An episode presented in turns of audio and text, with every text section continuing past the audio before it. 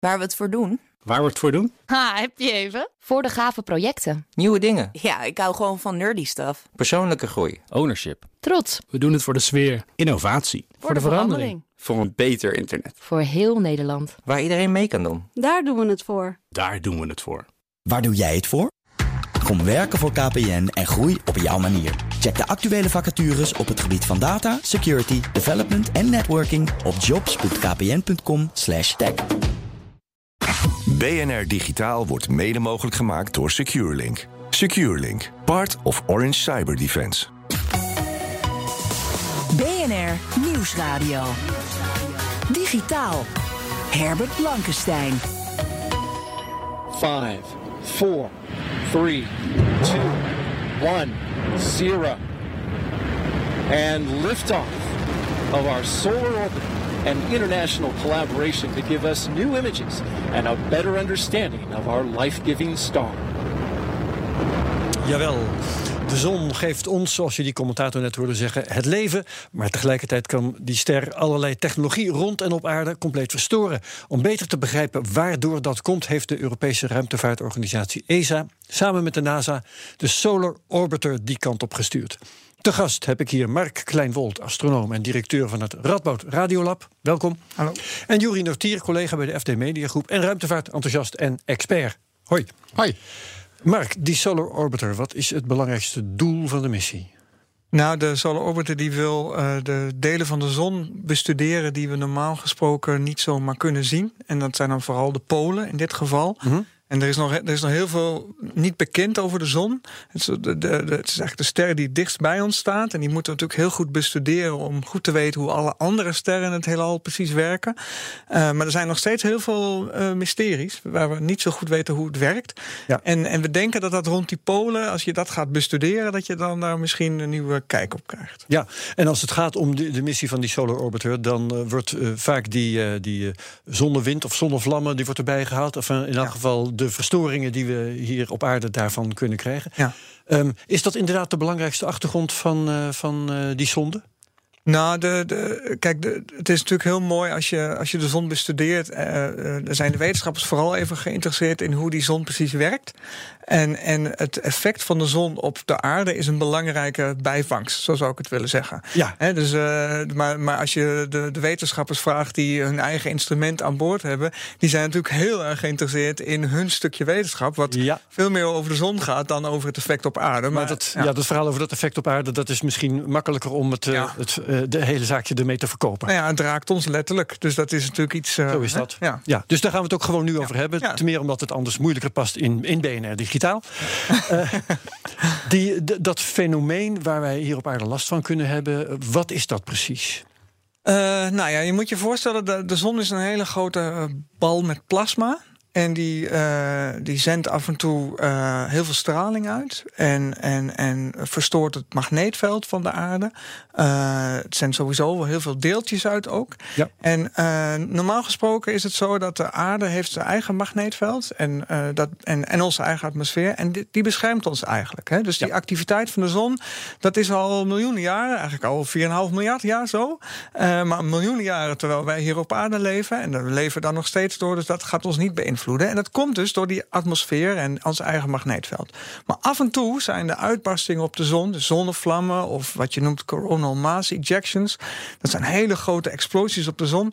Die zijn zo energetisch, uh, ja, zijn zo zwaar, zeg maar, dat ze door dat magneetveld heen kunnen breken van de aarde. En toch op aarde een effect hebben of een effect hebben op de uh, satellieten en elektronica die we in een baan ja. om de aarde hebben. Ja, en um, een, een zichtbaar gevolg daarvan, als ik me niet vergis, is het noorderlicht. Hè? Dat heeft daar ja. ook mee te maken. Ja, het noorderlicht is precies uh, het, het meest zichtbare effect wat mensen ook gewoon kennen. En, en dat zijn gewoon de deeltjes van de zon die in onze, zeg maar via ons magneetveld van de aarde in onze atmosfeer terechtkomen en daar botsen met onze atmosfeer. En dat geeft lichtflitsjes. En dat kennen wij als het noorder- of het zuiderlicht. Dus ja. zeg maar het poollicht. Betekent dat dan ook dat, dat weer op de zon, of, of het zonneweer, ik geloof dat dat wel een term is die bestaat, hè? Ja, dat, is, um, dat je daar ook vooral in het hoge noorden het uh, meest last van hebt? Um, ja, je, ja, nou ja, het is wel inderdaad zo dat bij de polen komen die deeltjes de atmosfeer binnen. Uh, en, en vliegtuigen die bijvoorbeeld op grote hoogte daar vliegen, die zullen bij een hele sterke uitbarsting, zullen daar misschien bijvoorbeeld last van hebben in hun radiocommunicatie. En als mens, als je daar zit, heb je ook meer last van straling. Dus het is inderdaad zo. Maar er zijn dus bijvoorbeeld wel uh, hele sterke events geweest in, in de jaren tachtig eentje, waarbij zelfs het noorderlicht de hoogte van Florida gezien is. Dus dan zie je dus dat in, in hele, bij hele grote uitbarstingen gaan die deeltjes hele grote afstanden in de atmosfeer uh, dat betekent dus ook dat als zoiets zich voordoet, dan word je min of meer gewaarschuwd door het Noorderlicht. Is dat een manier om het te zeggen? Ja, dat, maar dat is dan net iets optimistisch. Te, dat, nee, dat is wel waar, maar dat is iets te laat. Je, dus daarom okay, hebben ze ja, dus die Solar Orbiter nu gebracht. Ja, want, want uh, wat die Solar Orbiter dus doet, is uh, die gaat de zon heel nauwkeurig bestuderen met tien verschillende instrumenten. En die kunnen dus zien wanneer zo'n uitbarsting plaatsvindt. En dan op het moment dat die uitbarsting plaatsvindt en die geladen deeltjes en die veranderingen magneetveld naar ons toe op weg zijn, dat duurt even voordat het ons raakt. Dus op het moment dat ze het zien op de zon, dan kunnen ze zeg maar belangrijke uh, apparatuur op aarde beschermen of even uitzetten, omdat je weet, nou, er komt een event aan en we moeten nu even opletten. Ja, um, welke apparatuur is het meest? Is, gaat het dan om elektronische apparatuur speciaal? Uh, ja, het gaat, vooral, het gaat vooral om elektronische apparatuur. En dan vooral uh, apparatuur die we bijvoorbeeld op satellieten in een baan uh, om de aarde hebben. Want die zitten net buiten onze atmosfeer. Nog wel in de invloed van ons magneetveld. Maar die zijn het meest ja, zeg maar, gevoelig daarvoor. Die, die ondervinden zeg maar, de effecten van die straling.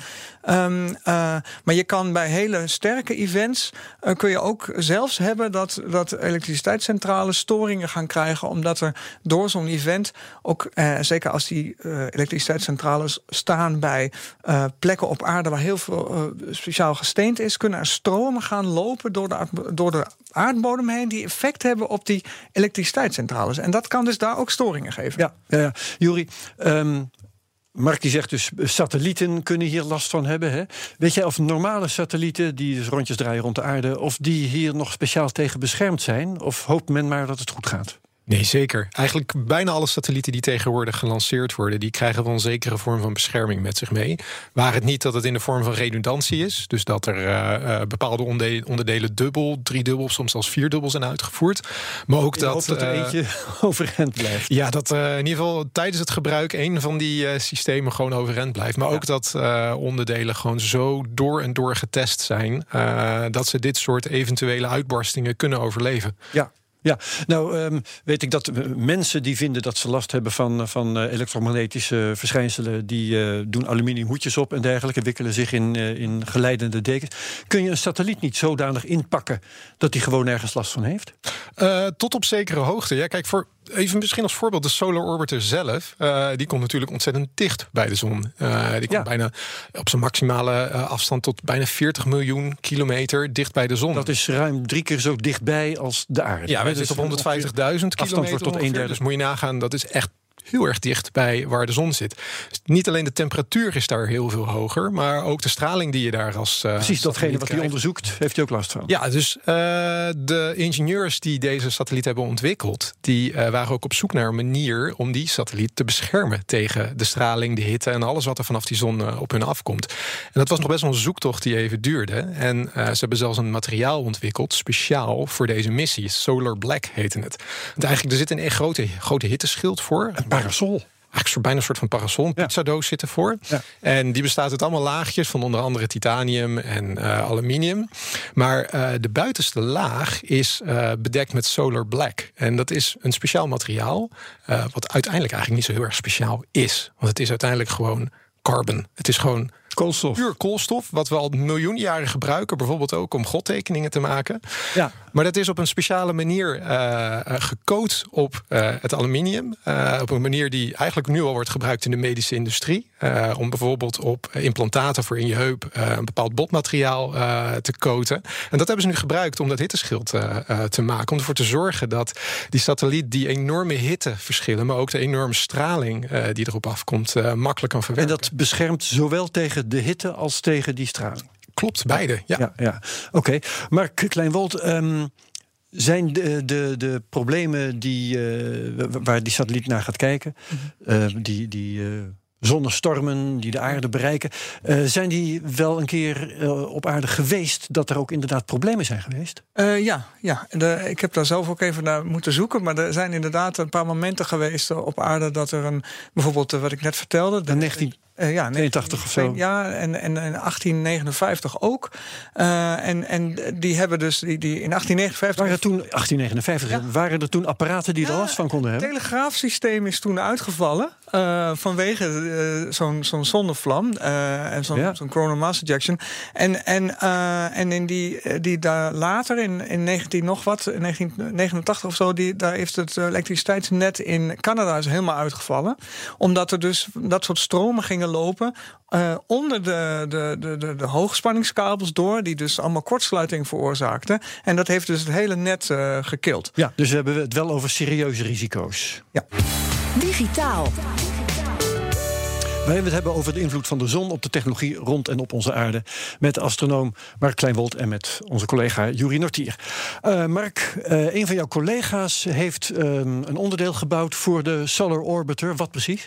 Nou, hij heeft, hij heeft niet in zijn eentje het onderdeel gebouwd. Hij is onderdeel van het okay, team. Iedereen is altijd, ja, iedereen is altijd onderdeel van het team. Even netjes ook. nuanceren. uh, ja, een van mijn collega's werkt bij het instituut in Parijs, uh, Observatoire de Paris. En die hebben daar uh, een, een, een radioantenne gemaakt, gemaakt die een deel van het onderzoek gaat doen bij de zon. En hij is in, heel, ja, heel specifiek zijn. Hij is de calibratie-engineer, de expert, die het instrument heel nauwkeurig gecalibreerd heeft. Ja, oké. Okay, dus er zit ook een klein Nederlands vlaggetje op die ja, Nou, er zitten nog meer Nederlandse vlaggetjes oh, op. Vertel. Er zitten ja. Nederlandse zonnepanelen op.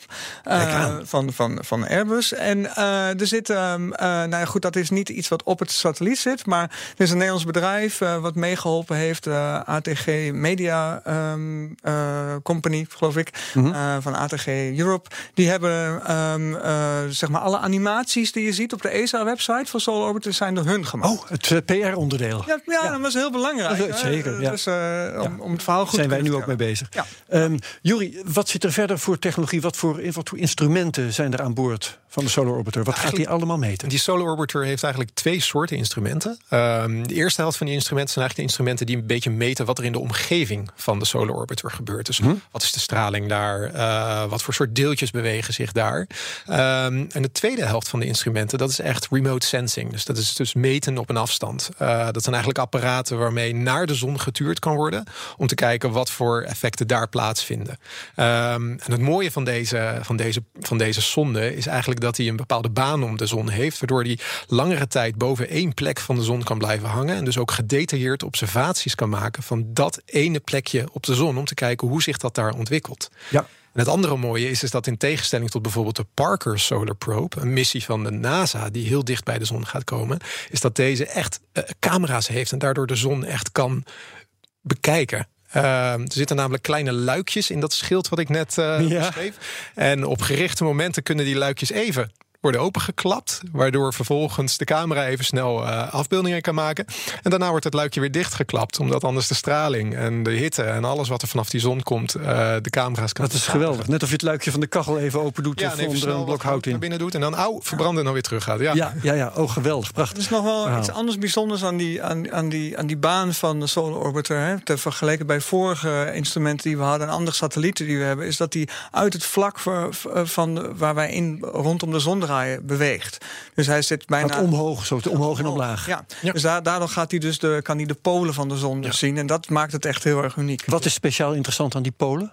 Nou ja, de, de, men denkt dus dat uh, heel veel van de effecten die we, waar we het nu over hebben, wat we op aarde kunnen krijgen, en ook al die zonnevlammen en die coronal mass ejections, dat die te maken hebben met het magneetveld van de zon. En dat magneetveld van de zon, dat grijpt aan bij de polen. Dat Net als dat van de aarde, hè? Dat is hetzelfde mee aan de hand, ja. ja.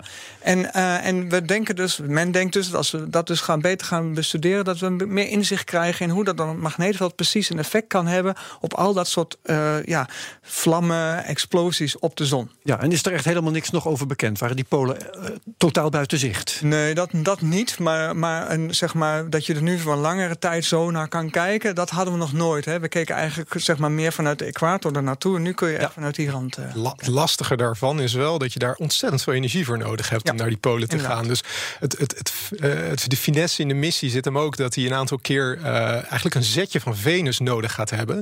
Dus die, dus die zonde die gaat in de buurt van Venus komen, krijgt dan eigenlijk een zetje van Venus, zodat dat hij net even wat uh, haakser op de equator komt te staan en daardoor naar die polen kan gaan. Maar dat duurt wel een paar jaar. Dus ja, ja, ja. over 3,5 jaar kunnen we eigenlijk voor het eerst pas een beetje richting die polen gaan. Ah, die, die baan wordt in de loop der tijd opgehoogd. Ja, door meerdere zetjes van Venus. Ja, overigens, dat, dat wordt meer gedaan. Dat kosmische biljarten, het gebruik maken van de zwaartekracht van planeten en dergelijke... om uh, satellieten te krijgen waar ze moeten zijn.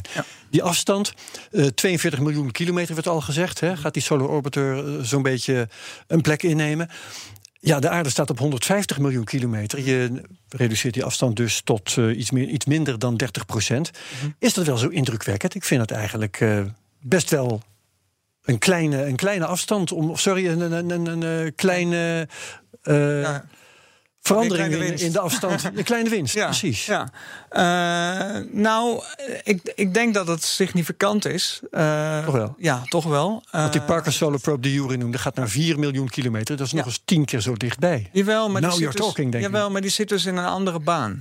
En dat, dat kan dan makkelijker. Kijk, om zo'n baan vol te houden... Dat, zo, je, je, maakt nu een beweging, maar ja, sorry, om rondom baan, de polen. Ja, hè, rondom de polen, die baan vol... Ja, om, om zo'n baan vol te houden... moet je dus inderdaad af en toe zo'n slingshot krijgen van, van, van Venus. Maar dat moet je dus blijven doen. Dus je moet continu die baan uh, ja, actief houden. Uh, anders dan, als je niks doet, dan valt die langzaam weer terug in het vlak waarin de planeten ook rondom de zon bewegen. En, en dus je moet er heel actief mee bezig zijn. Dus dat maakt het heel erg lastig. En ik, ik, ja, ik ben geen, uh, geen, geen space engineer, maar als je hem nog dichterbij zou brengen, dan heb je A, meer problemen met ook de hitte en de straling. Tuurlijk. En je komt steeds dichter bij de zon. Dus de kans ja. dat je baan nog meer verstoord gaat worden, is alleen maar groter. Ja. En je kunt geen camera's meer gebruiken, begrijp ik. Want nu kan het nog met via een luikje. Ja, maar, uh, op een gegeven moment houdt het op. En de uitdaging is natuurlijk vooral de corona. De corona van de zon werd volgens mij wel tienduizenden graden uh, ja. kan worden. En, uh, miljoenen graden. Miljoenen graden, nou zelfs dat nog. En volgens mij de Solar Black kan dat nog net niet nee, hebben. Oké, okay. maar die Parker Solar Probe van de NASA... die kan dat wel zo dichtbij als die is... Die is, ja, die heeft dus, ook, min, heeft dus ook minder, is beter beschermd, maar die heeft dus ook minder soorten instrumenten. Ja, ja, die kan dus alleen maar een bepaald soort. Het heeft een prijs, met andere woorden. Ja, Digitaal. We hebben het over uh, hoe de zon onze technologie uh, op en rond aarde kan verstoren. Slopen soms zelfs. Dat uh, risico, maar Kleinwold, maken we ons voldoende zorgen? je hebt net gezegd, in Canada is een keer het halve elektriciteitsnet ja. uitgevallen. Ja. Um, zijn we bestand tegen dit risico eigenlijk? Uh, ja, ik denk het wel. En dat is ook een van de redenen waarom we die Solar Probe hebben. We willen eigenlijk het, het, het, het weer op de zon uh, beter kunnen voorspellen, zodat ja. we beter voorbereid kunnen zijn. Er, er, is ook trouwens een, een zonneweerbericht. Ja, hè? Ja, ik heb begrepen zeker. dat. En, en, en drone-piloten maken daar gebruik van, heb ik vandaag gehoord. Van, uh, iedereen maakt een, een drone-piloot. Boven een bepaalde Um, hoe noem je dat? Ja, code. code ja. Dus dan code 6 of zoiets ja. in plaats van code geel. Maar ja. mogen ze niet vliegen met drones nee. vanwege het risico. Geldt ook voor de astronauten in het ISS. Uh, als er uh, te veel straling is. Ruimtestation. Het internationaal ruimtestation is. Um, als er te veel straling verwacht wordt, dan moeten zij terugtrekken naar bepaalde delen van het ISS. Waar de bescherming tegen de straling hoger is. En dan mogen ze even niet meer naar andere delen. Ja, nee, maar goed. Uh, dus dat weerbericht bestaat en je kunt dat verbeteren, zeg je? Dat is eigenlijk het plan van, dit, van die Solar Orbiter. Ja. Maar ik wil wel even een nuance aanbrengen. Want we doen nu net Zeker? of het heel eng is allemaal. Ja? Maar we wonen al heel lang naast onze zon. En, uh, en, uh, het leven op aarde wordt in die zin niet negatief beïnvloed. Zelfs positief beïnvloed. Hè. We maken gebruik van de straling van de zon. Daarom leven wij hier. Zeker. Dus even voor de duidelijkheid. Allemaal heerlijk. Onze zonnepanelen is werken erop. Het is niet onze vijand, nee. Uh, nee. Ja. Maar wat ik wel hoor, en wat ik trouwens ook zelf wel kan beredeneren. Ja. Um, de manier waarop we onze samenleving inrichten... maakt ons steeds kwetsbaarder. Ja. Hè? Want in 1859 was het geloof ik... sloegen de vlammen uit de telegraafapparaten. In 1987 ging in Canada het elektriciteitsnet plat. Uh, als er nu zoiets gebeurt, mm -hmm. dan zijn de gevolgen natuurlijk groter. Ja, dat, dat, denk ik ook. Ik denk dat we zijn allemaal veel meer afhankelijk van, van, van uh, elektronica, van technologie. Ja. Dus, dus, dus dat maakt dat we ook gevoeliger zijn daarvoor. Maar je moet je wel realiseren dat, dat dit soort events wat, uh, niet zo vaak gebeuren. Hè. Dus je hebt een aantal van dat soort hele grote events per jaar. En, en de zonneactiviteit die verandert in de loop van 11 jaar. Dus dat gaat met periodes van 11 jaar. Dus dat neemt toe na 11 jaar en dan weer af. Um, en alleen rond het maximum heb je, heb je dus dat soort events. En dan moet het ook ja. nog een hele sterke zijn om zo'n invloed te hebben. Ja, um, nou heb ik een aantal vragen nog. Eén uh, is, uh, je kunt uh, die zon bestuderen tot je een ons weegt. Maar wat kun je uitleggen hoe die waarschuwingen nu eigenlijk beter gaan worden met de kennis van zo'n solar orbiter? Nou, je hebt ten eerste hebt dat, dat instrument. Sneller kunnen ze Ja. toch niet komen? Nee, nee, nee. Maar je- nou, het is wel zo dat eh, de Solar Orbiter heeft veel meer eh, verschillende instrumenten. Eh, dus we hebben inderdaad camera's, we hebben deeltjesdetectoren, eh radioantennes. Dus we kunnen eigenlijk een veel completer beeld maken van de activiteit van de zon. Ja. En, en dat wil zeggen dat een van die tien instrumenten kan als eerste zeg maar iets waarnemen van hé, hey, er gebeurt iets op de zon, er komt een storm aan of er komt dit aan. En dan gaan die andere instrumenten meekijken. En dan kun je dus sneller iets zien wat gaat komen. Oké. En da- da- dus dat, dat werkt echt gewoon. Dus dat wordt ons weerstation, zeg maar. Zo eh, moet je het een beetje zien, ja. ja. Maar Jury, dat betekent dat die waarschuwingen alleen maar beter kunnen zijn zolang als die Solar Orbiter leeft. Hoe lang gaat dat zijn? Nou, deze gaat zeker nog wel eh, tien jaar mee. Dat is in ieder geval het idee. Hm. Eh, vorige missies eh, hebben een houdbaarheidsdatum ver, ver overschreden. Ehm, dus ik verwacht eerlijk gezegd dat we hier nog wel even genoeg aan kunnen hebben. Als dat, als dat hitteschild blijft werken. Ja, dat is natuurlijk wel het, voor- het, het- het grote vooruitzicht dat dit ding wel moet blijven werken. Ja. Ja, oké. ehm, wordt er eh, bij het, eh, het inrichten van elektriciteitsnetten, kijk maar even naar jou, eh, Mark, ook al ben je astronoom, Ja. of bij het ontwerp van apparaten hier eigenlijk rekening mee gehouden? Satellieten worden dubbel uitgevoerd, heb ik net gehoord van Jury, maar eh, doen we verder als samenleving genoeg? Bedoel je als apparaat op aarde? Ja, dat die daar beter bestand tegen zijn. Nou, ik denk, ik, ik denk op aarde niet zozeer, omdat ik denk dat, eh, dat wij eigenlijk ervan uitgaan dat eh, de atmosfeer en ons eigen magneetveld ons beschermt. Ja. En dat het maar eens in de zoveel tijd onder hè, speciale omstandigheden maar voorkomt dat er iets Ja. kapot kan. Dan komt er zo'n waarschuwing. Wat doen we dan? Nou ja, je spul Alles, uitzetten. toch alles, dat, dat helpt genoeg. Ja, nou dat helpt genoeg. Het is alleen gevaarlijk als het werkt, als, Ja, eh, als ja, ja, apparaten ja, aanstaan. Nou goed, wij hebben. eh, ik heb zelf ook eh, een instrument op een Chinese satelliet achter de maan. En daar hebben we dus ook rekening mee gehouden. We hebben dus naar het, weerbericht gekeken voor de zon van de komende jaren. Om te Ja. zien hoeveel straling gaan we nou krijgen. En daarmee hebben we dus ons hele instrument zo ingericht dat op het moment dat de straling omhoog gaat, er dus een detector is die zegt: hé, de straling is te veel. Ik zet nu even alles Ja. uit. Dus dat is wat je dus doet voor dingen in space. En nou komt, ja, in space. Ja. Maar nou komt die waarschuwing. Ja. Eh, hoeveel tijd heb je dan? Eh, nou goed, ik, wat ik begreep van meestal duurt het een aantal dagen voordat zo'n eh, zo'n heel groot event, zo'n coronal mass ejection, dat zijn de gevaarlijkste. Ja. Als je die waarneemt, dan duurt het in de orde van een week, zeg maar ongeveer, dat het bij ons is. Dus je kan jezelf daar redelijk goed op voorbereiden. Dus het is niet zo dat je bliksemsnel je Tesla aan de kant zou moeten zetten, bij wijze van spreken. Nee, Of, nee, nee. Nee, oké, dat, dat valt alweer mee. Ehm, Het zou wel grappig zijn dat die allemaal uitvallen dan. ja, ehm, maar consumentenapparatuur. Is, is het belangrijk om daarop te letten? Of zeg je dat is het eigenlijk helemaal niet waard? Ik denk niet dat dat, eh, dat, dat echt nodig is. Ik eh, kan me, ja, ik bedoel, eh, ik, ik, het is natuurlijk al lang geleden voordat er, zeg maar, dat er weer zo'n, dat er zo'n event was. Mhm. En daar is dus een elektriciteitscentrale de laatste keer echt bij uitgegaan. Ja. Ehm, maar het uitvallen van bijvoorbeeld je telefoon of, een, of je laptop, ik denk niet dat dat gaat Nee. gebeuren. Weet jij er iets van, Jury? Ja, ik was eigenlijk benieuwd, gaat het dan eigenlijk alleen om uitvallen? Of is een apparaat dan ook echt permanent beschadigd? Die gaat het- rare dingen doen. Eh, nou, het, gaat, het zijn twee dingen. Je hebt zeg maar, ehm, je kan in communicatiesystemen, dus waar je radiostraling gebruikt, radiogolven gebruikt om te communiceren, daar kun je verstoringen krijgen. Dus de, de communicatie kan even uitvallen. Eh, en, en de deeltjes van zo'n event, die kunnen echt eh, ja, elektronica kapot maken. En dan is het ook echt kapot. Goed, nou dat is prettig om te weten. ja. In ieder geval gaan de waarschuwingen dus op termijn verbeteren. Hartelijk dank. Mark Kleinwold, astronoom, directeur van het Radboud Radiolab. En Jurie Nortier, collega bij de FD Mediagroep en ruimtevaartdeskundige on the side. Ehm, jij doet trouwens ook mee, Jurie, aan de ruimtevaartpodcast Space Cowboys... die volgende week een doorstart gaat beleven. Jazeker. En daar over een week dan gaan we daar verder mee. Vanaf woensdag 19 februari dus terug eens in de 14 dagen Space Cowboys. Je kunt BNR digitaal terugluisteren via bnr.nl, onze app of waar je ook maar naar je podcast luistert. En dan vind je ook mijn andere podcasts, niet alleen Space Cowboys, maar ook de Cryptocast en de Technoloog. Wat BNR digitaal betreft, graag tot volgende week. Dag.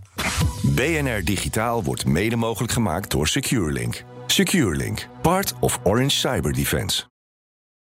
Ook Thomas van Zeil vind je in de BNR-app. Je kunt live naar mij luisteren in Zaken doen. De BNR-app met breaking news. Het laatste zakelijke nieuws. En je vindt er alle BNR-podcasts. Bijvoorbeeld Het Nieuwe Geld. Download nu de gratis BNR-app en blijf scherp.